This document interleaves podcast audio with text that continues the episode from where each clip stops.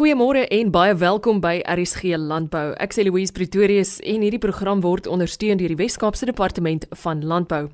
Die 18de Suid-Afrikaanse Kaasfees het in April maand plaasgevind net buite Stellenbosch. Hierdie bekende byeenkoms word aangebied deur Agri Expo. Ek het self daar gaan draai en by hoofuitvoerende beampte Johan Elers gehoor wat nuut en innoverend was omtrent vanjaar se Kaasfees. Dit is vanjaar die 18de Kaasfees wat ons aanbied en natuurlik elke jaar probeer ons om vernuwing in te bring.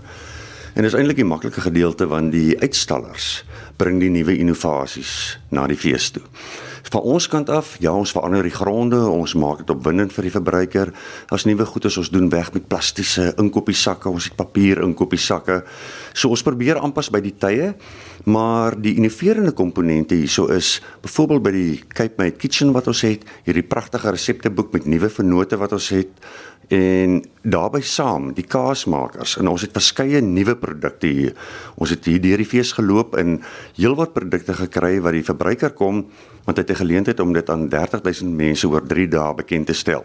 So innovasie is aan die orde van die dag hierso en ons het geweldig baie nuwe produkte. Dit is daar's pragtige stories van die klein kaasmakers van waar hulle was en suksesvolle mense vandag is of besighede vandag is. So elke jaar bring ons hierdie 10 nuwe klein kaasmakertjies hier na die fees toe.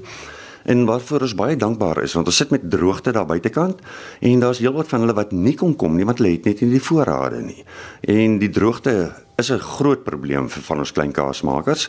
So ons is baie dankbaar oor die wat ons hierso het met baie opwindende produkte en ons het reeds gister al van een of twee van hulle gehoor wat se markandeel vorentoe wonderlike geleenthede het met van die kopers wat hierso by hulle was. Elke jaar is die begin van die volgende ene en so sien mense ook hoe die mense groei.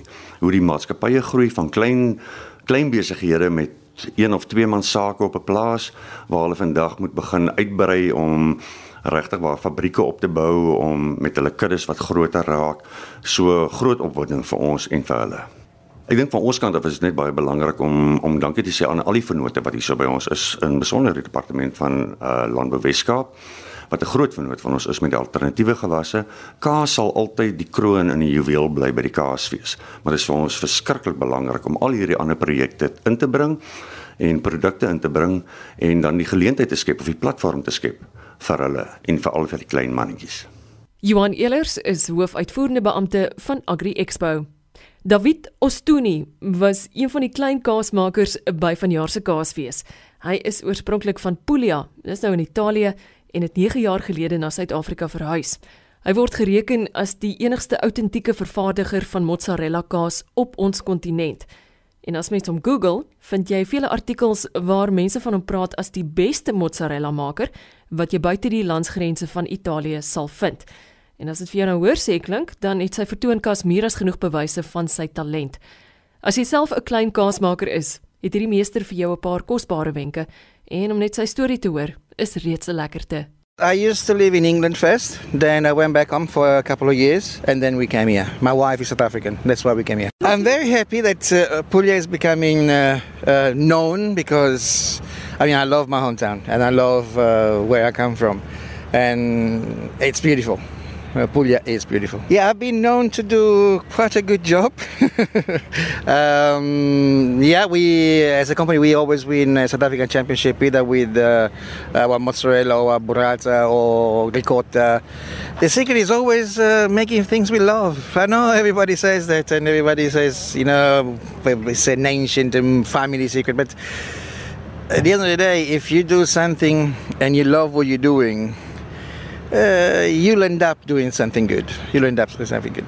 You you cannot make mm, you cannot go wrong if you love what you do. When I first came here, I actually didn't know what I wanted to do.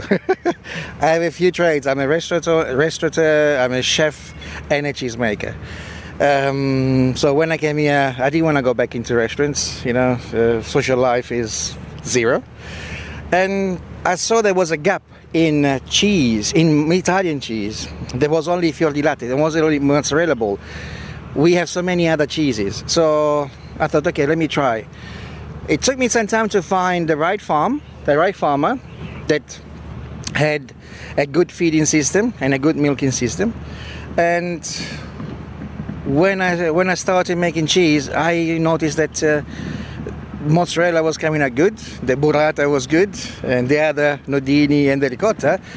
And it's, that's how I started. I started with a small pot, 40 liters, a couple of kilos a day.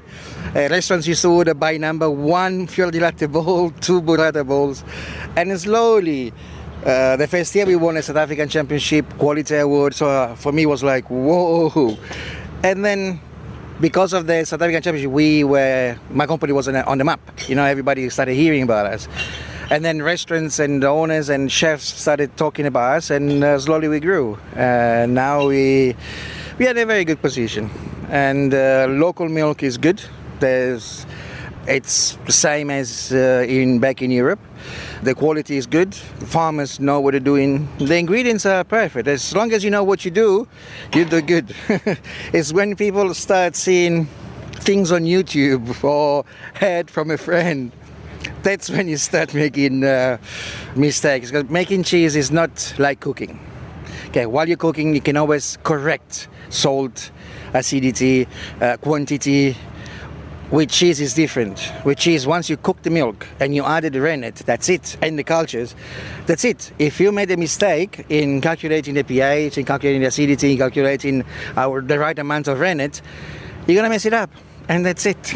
You have now uh, wasted, I don't know, 500 liters, 1,000 liters. Yeah. When I used to have my own restaurants in uh, England, in London, I used to own uh, five Italian restaurants. And one of my very good friends back home, where I'm from, Puglia, we are famous for fior di latte. Now, fior di latte is mozzarella made from cow's milk. Then the buffalo is mozzarella made by from buffalo water buffalo milk. Okay, Puglia is famous for the burrata and the fior di latte. That's the best that you can get in Italy. So when I was in London, a friend of mine back home, a cheesemaker, I was chatting with him and he told me he wanted to come to London. And I said, look, I, I don't have a cheese factory. I have a, a, a, restaurant. You can come. You're good with your hands. Why don't you come and I'll teach you how to make pizzas? So he came over and we started making pizza. And after a while, he said, "But David, you know, you're buying all this cheese. Why don't we make it?" so I went like, "Whoa, how do we make cheese now?" We are talking about 20 more than 20 years ago, and we found the milk. We started making cheese, and then I had a big idea of making cheese in every shop. And because I had five restaurants, then so I had to learn. And he taught me, we learned, I learned, and I was making cheese. But small quantities. We're talking about like 10 kilos a day, 15 kilos a day. So, and I did it for four or five years. So that's how I became sort of cheesemaker. You know, cheesemaker is not, uh, it takes you years. And uh, just being able to make a couple of cheeses is not a real cheesemaker. You know, you make cheese, okay? you become a cheesemaker when you're a master. And it takes you a long time. You get to know a lot, technicalities as well. And then I started keep I kept on making cheese even at home. Then when I came here, I thought, well, I don't want to go back to restaurants. cheese making is okay. I can still have my weekends on. Not all of them, but at least some. Evening is fine. I can go home. So I started making cheese and and before when I started by myself, then I thought, let me call that friend. And because he was free at the time, then he came here and he stayed with me for two years and he taught me more and more and more. And after two years, he left, and I, carry, I carried on uh, with all the knowledge I got from him. And every now and then, I go back to Italy to get some refreshments. And uh, yeah, and that's how I always add cheeses. Now I have like, oof, I think I make 14 cheeses. A bit too many, yeah. Once you start making the cheese, I think cheese is, is the, the nicest thing I like about cheese is when I'm cutting the curd. When the curd is ready, and it needs to be cut still in the pot. Uh, it cuts is like a set yogurt, and while you're cutting it uh, with these special knives, uh, splits and it starts giving colors, and it looks luscious and it's beautiful. It's beautiful, especially then you can see that the curd is good, and you know you're gonna get a good cheese. So the cutting is is going to be slow, but not too slow. It's going to be fast, and it's going to. Then it depends on the cheese you're making, how how small your cut is going to be. Uh, that's the first part I like. The rest is okay, but that's the first part I like. Is the catching of the curd. Also because it's easy. Nothing easy. It's, it's not too heavy. You don't have to carry it stuff. But now cheese making is uh, is an art. It's an art. It's completely different from any other uh, cooking that I've done or making pizzas. It's uh, and also when you're a chef, you know your uh, your reward is imminent. Within five minutes, you have the dish ready, unless you are oven cooking or doing something. Say within one hour, anything that you cooked is ready.